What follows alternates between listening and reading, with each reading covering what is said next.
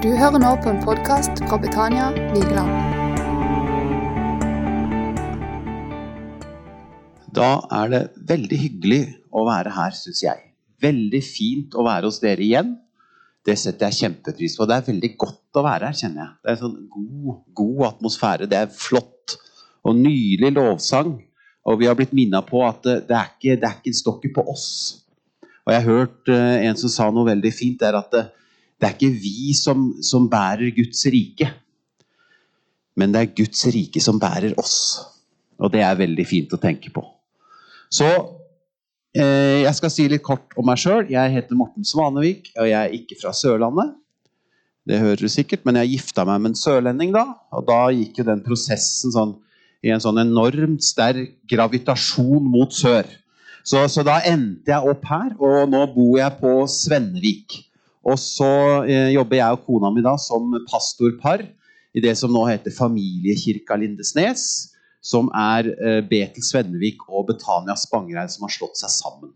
Så der er vi eh, pastorpar nå. Jeg har vært pastor der i ett år. Så jeg har ikke veldig lang fartstid. Men det er spennende.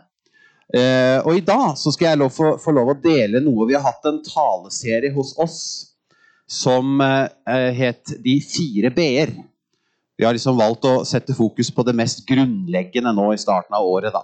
De fire b-ene som står for brødsbrytelse og Bibel, brorskap og bønn. Eh, og jeg skal ta min del, som jeg hadde i den serien, her for deg i dag. Og den delen er helt frittstående. Du trenger ikke tenke at ja, men jeg har jo ikke hørt noe av den serien. Så, så du trenger ikke være bekymra for det. Jeg skal snakke om Bibel i dag. Jeg skal snakke om Guds ord. Og den kan være helt frittstående uavhengig av den serien. da. Så det er bra. Så jeg gleder meg til det. Eh, og jeg skal si kort litt om det der med de fire b-er, for det kan være litt fint. For de fire b-ene er jo henta ut fra dette bibelverset, apostlenes gjerninger, kapittel 2 og vers 42, om at de holdt seg trofast til apostlenes lære. Det står for Bibel, da. Der har du Bibel. Eh, og fellesskapet, det er da brorskap, det var et litt eldre ord for fellesskap, til brødsbrytelsen og bønnene. Så dette er de fire b-ene som er litt sånn back to basic til liksom det mest grunnleggende i disippellivet. Og det anbefales da. For det er mye vi holder på med. Det er mye fokus i media og på internett, og det er mye sånn eh, nye tanker og haug av bøker og ting du kan lese. Men noen ganger er det litt fint å justere litt tilbake igjen på det aller mest grunnleggende. Og det er flott som disipler, de fire b-ene. Så er det altså Bibel som vi skal snakke om i dag. Og før jeg skal tale, så har jeg lyst til å legge talen i Guds hender. Fordi det er jo bare av nåde, som vi har snakka om. Så Jesus, jeg takker deg for denne dagen. Takk for denne søndagen. Og vi takker at dette er denne dagen, den har du skapt. Og den skal vi få lov å glede oss og fryde oss på. Og nå har du gitt meg noe jeg kan dele, og det takker jeg for at du har gjort. Og må du la, la det være din stemme som kommer fram. Og må du gjøre alt det du har lyst til å gjøre i dag, far. Og må du si alt du har lyst til å si gjennom meg så legger jeg meg sjøl og talen og alle oss nå i dine hender. For der er det veldig trygt å være. Og så må du gjøre ditt verk. La riket ditt komme. La viljen din skje akkurat nå. I ditt navn, Jesus. Amen. Yes. Det med Bibel, det er en viktig del av å være en disippel.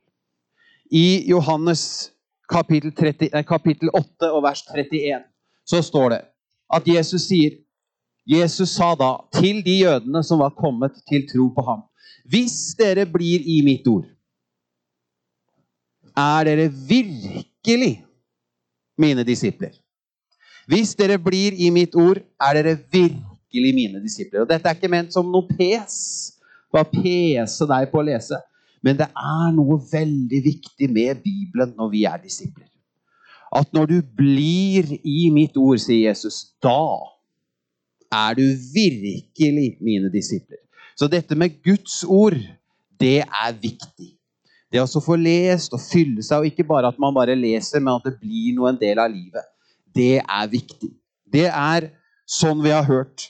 Det hører man jo. Hvis man er ny på veien, så tar det ikke lang tid før man får med seg at det med Bibel er viktig. Sant? Det å lese i Bibelen og fylle seg med, med Guds ord.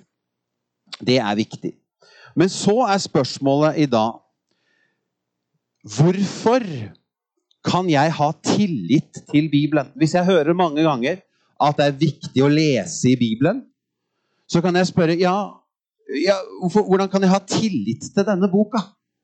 Hvordan kan jeg ha tillit til denne boka? Og så har jeg lyst til å bare komme litt på det rene aller først med at denne talen her eh, Det er sikkert noen her som noen ganger har studert og har, har vært på universitetet eller andre steder og har måttet levert oppgaver hvor at man hører at det er viktig med kildehenvisning. Så jeg skal bare være litt tydelig med min kilde til denne talen. Eh, fordi at Så ikke du tror at Morten nå har studert liksom i, i 20 år for å finne ut av alt dette her. Min kilde til talen er Saddleback Church og Rick Warren. Det er bakgrunnen for min tale. Jeg ville bare komme ut med det først. Sånn at, du liksom, eh, sånn at jeg har mitt på det rene. Jeg har fått det derfra, da.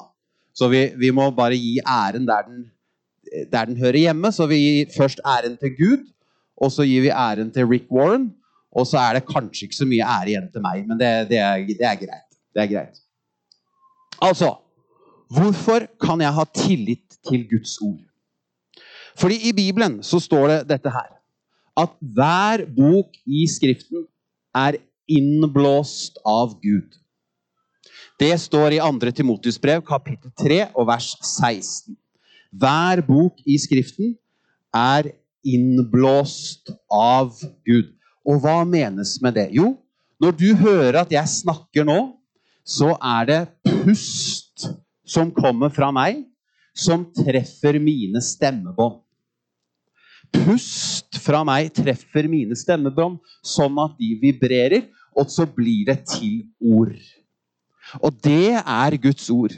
Guds ord, det er Gud som har pustet, og så har det blitt til Guds ord, som er Bibelen.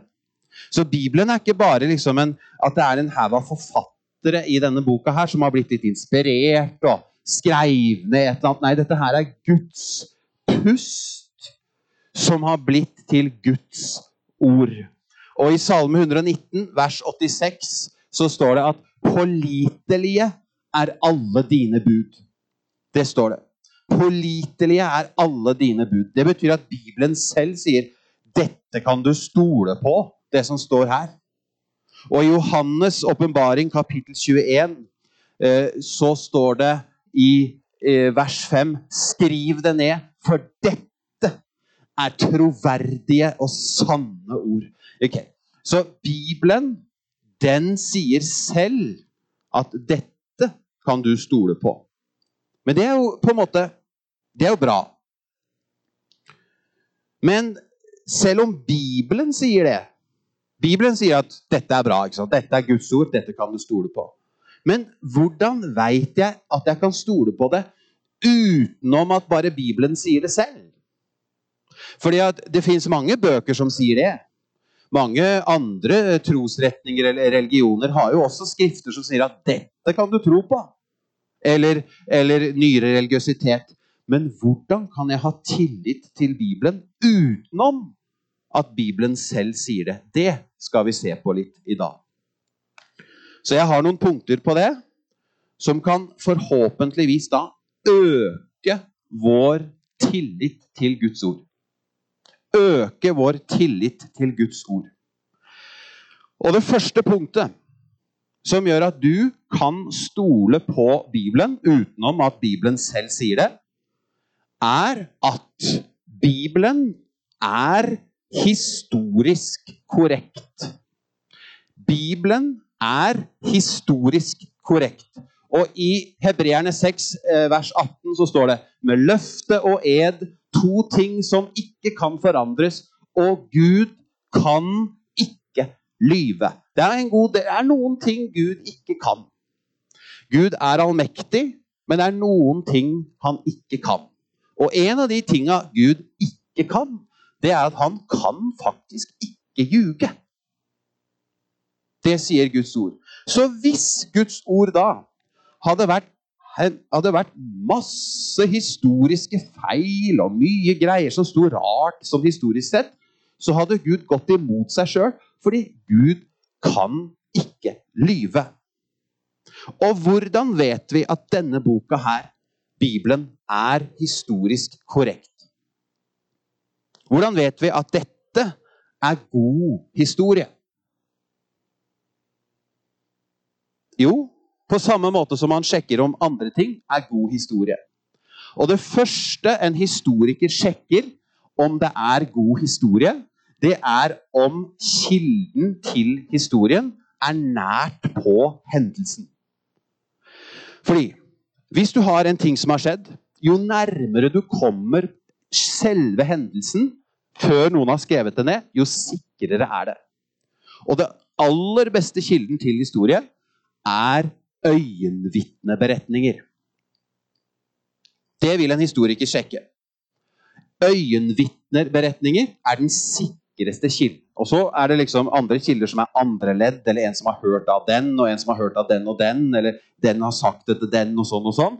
Men øyevitneberetninger er den sikreste kilden. Og Bibelen er primært øyenvitneberetninger. Dette er ikke legender som er liksom skrevet. Er, det meste er øyenvitneberetninger. Det er nært på hendelsen. Det var sånn at Moses var der da Rødehavet delte seg.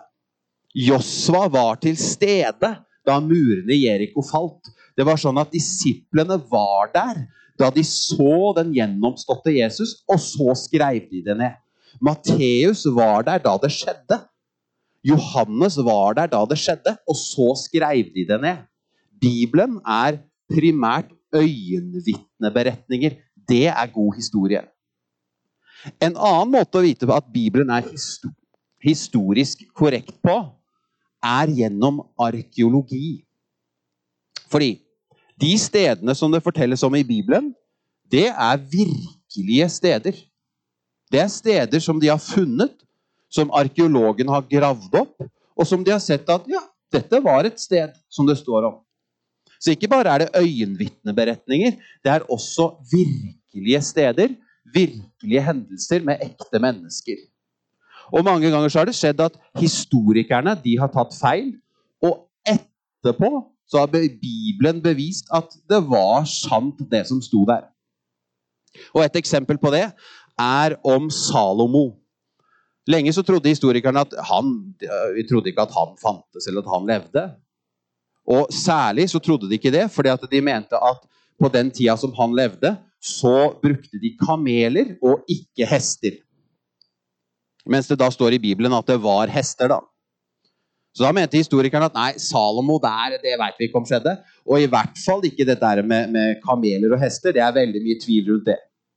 Og så fant de seinere ut, gjennom arkeologiske funn, i en by som het Megiddo, som er en oldtidsby som ligger i dagens Israel, så fant de en rekke bygninger som var antatt å være staller, som de seinere fant ut da at var til hester, som viste seg at oi, det stemte visst det som sto i Bibelen likevel.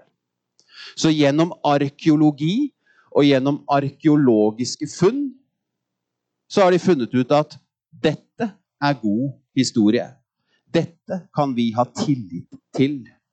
Selv om historikerne noen ganger tror det er feil, så blir det motbevist gjennom arkeologi. Så det er for det første øyenvitneberetninger. For det andre, gjennom arkeologi så ser du at dette er ekte steder. Dette har skjedd. Og for det tredje så kan vi se at Bibelen er historisk korrekt fordi den er så nøyaktig kopiert. Og det skal jeg si noe om. Før man hadde iCloud, eller før man hadde kopimaskin, så måtte man jo kopiere Bibelen for hånd når det var bokruller. Og da var det enormt strenge regler for hvordan dette skulle kopieres. Og et bevis på denne nøyaktigheten som har vært, da, er gjennom det de fant i Dødehavsrullene. Dødehavsrullene det var ca. 950 bokruller som de fant nær Dødehavet i, i 1947 til 1956. Og de, i de tekstene der fins de eldste eksisterende kopiene av Gamletestamentet. Det fins i Dødehavsrullene. Og før det så hadde de eldste tekstene de hadde i Bibelen, de var fra ca. 900 år etter Kristus. Det var de eldste de hadde før det. Så kom Dødehavsrullene. Da var det tekster til 100 år før Kristus. Så det var enda eldre. Så da kunne de sjekke.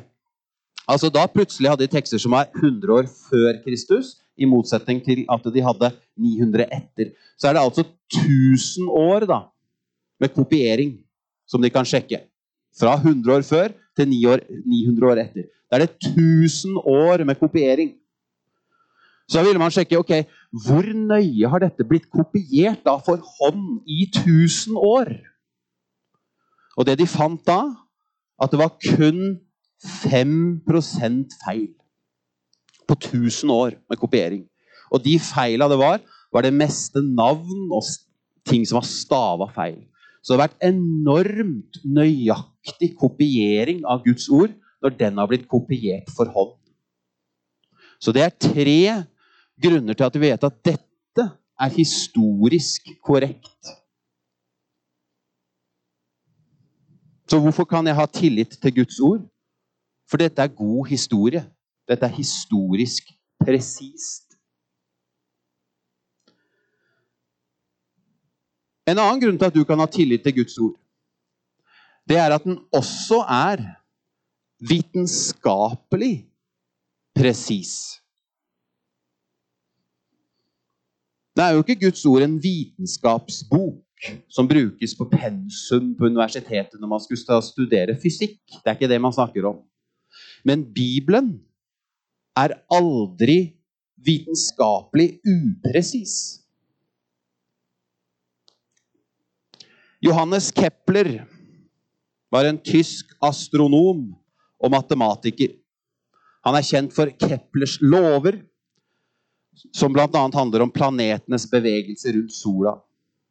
Og han sa, Johannes Kepler sa, at vitenskap det er å tenke Guds tanker etter at Gud har tenkt det først. Så i sånn, Når man snakker med unge, eller hvis man er i en sånn trosforsvar, så ja, hvordan kan du tro på Gud og vitenskap? Johannes Kepler det er å tenke Guds tanker etter at Gud har tenkt det først. Det er ikke noen motsetning mellom tro og vitenskap. Gud har etablert fysikkens lover, og så finner vi, finner vi, ut av dem etterpå. Gud har etablert biologiens lover, og så oppdager vi de etterpå. Gud har, et, har etablert matematikkens lover, og så finner vi ut av det etterpå. Og som sagt, Bibelen er ikke noe vitenskapsbok, men den er aldri vitenskapelig ukorrekt for det. Men vitenskapen, den forandrer, den forandrer seg hele tida.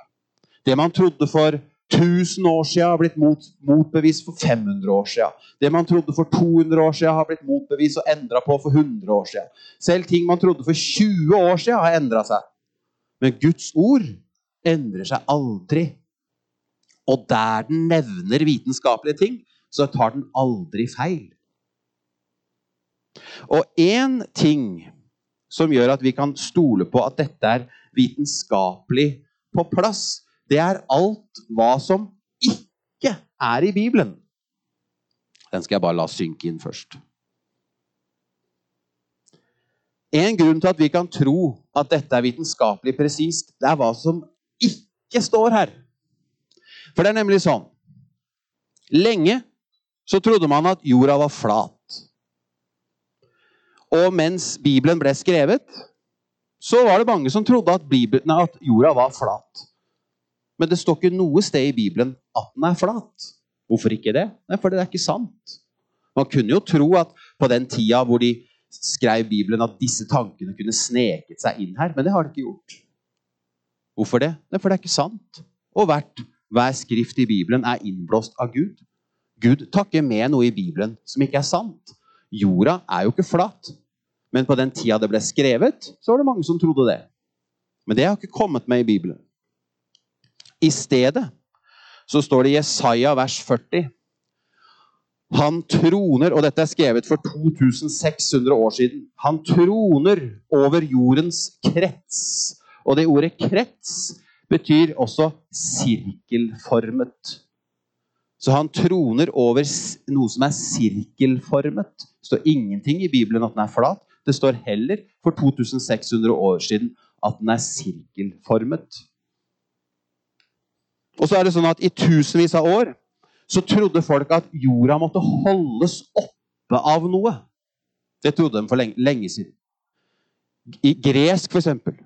Gresk kultur, så trodde de at jorda ble holdt oppe av en fyr som het Atlas.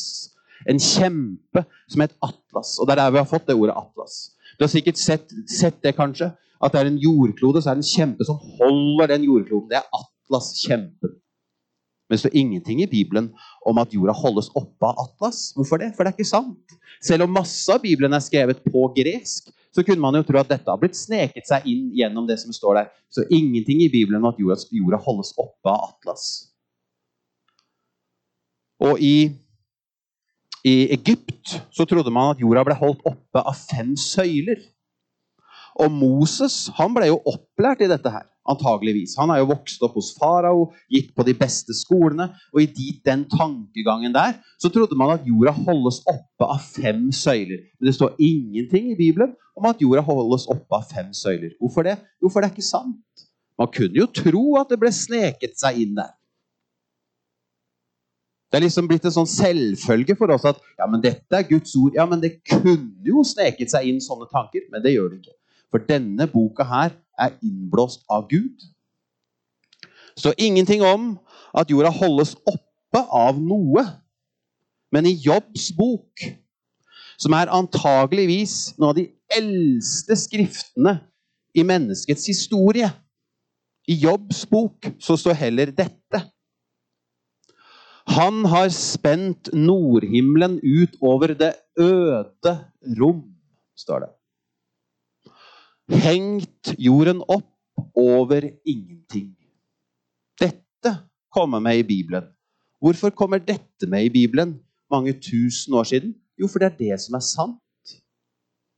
Ingenting av det som er upresist, kommer med. Det som kommer med, er det som er sant.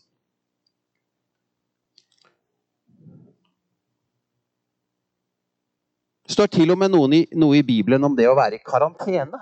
Og det er jo veldig i tida. I tredje Mosebok, kapittel 13, så står dette her. Her snakker det om hva de gjør i leiren hvis noen har blitt syke. da. Så står det. Men hvis flekken er hvit, og den ikke ser ut til å ligge dypere eh, enn huden, og hårene på den ikke er blitt hvite, da skal presten holde den som er angrepet, innestengt i sju dager. Dette er karantene. Dette står det om i tredje Mosebok, kapittel 13, vers 4. Det høres ut som noe du hører på koronatelefonen. sant? Hold ham innestengt i sju dager.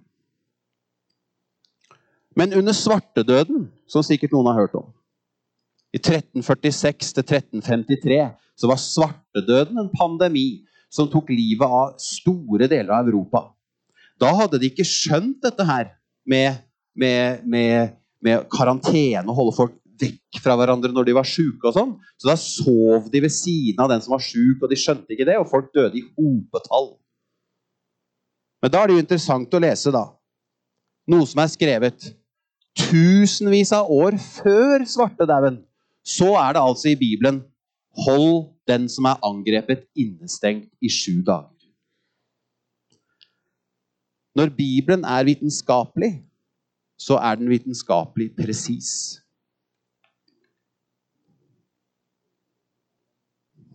Og vi kan stole på Bibelen fordi den er historisk korrekt og vitenskapelig presis. Og så har vi en tredje grunn til at vi kan stole på Bibelen. Og det er dette her. Vi kan stole på Bibelen fordi den har det samme temaet gjennom hele boka.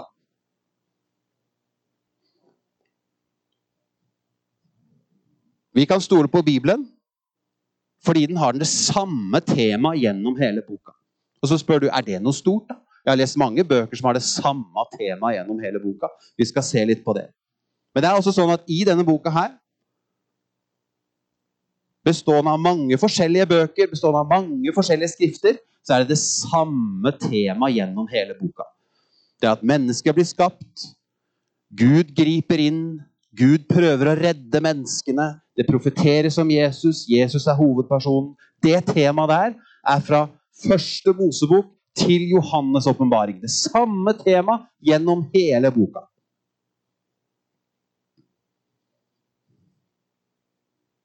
Og så spør du er det noe stort. Og grunnen til at det er stort, er det jeg skal si nå. Den boka her er skrevet over en tidsramme på 1600 år. Fra den første boka til den siste boka så tok det 1600 år. Det er skrevet av 40 ulike forfattere på tre ulike kontinenter i tre forskjellige språk og ikke alle visste om hverandre. Og boka har heller ikke vært satt sammen. Det har ikke alltid vært satt sammen til én bok engang. Og så er hele boka det samme temaet. Det er ganske utrolig. Hvordan er det mulig, egentlig? 40 ulike forfattere, tidsramme på 1600 år, tre ulike kontinenter, tre ulike språk, og så er det det samme tema gjennom hele boka. Og det kunne jo vært forståelig hvis det var én forfatter. Men det er ikke én forfatter, det er 40 forskjellige forfattere. Og det er forfattere fra alle mulige samfunnslag. Det er fiskere, det er leger, soldater, konger, profeter. Og alle har catcha det samme temaet. Det er ikke mulig. Eller er det mulig? Eller så er det kanskje ikke så rart når vi husker det som sto, at hver bok i Skriften er innblåst av Gud. Det er en grunn til at det er mulig. I Lukas kapittel 24, vers 27, så står det om Jesus. Og han begynte å utlegge for dem det som står om ham i alle skriftene. Gjennom hele denne boka så er Jesus hovedtema, Guds inngripen, det samme temaet gjennom hele boka.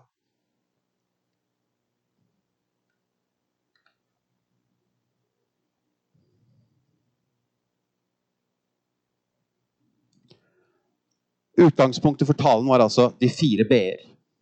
Om det mest grunnleggende. Så har vi hørt om Bibelen i dag.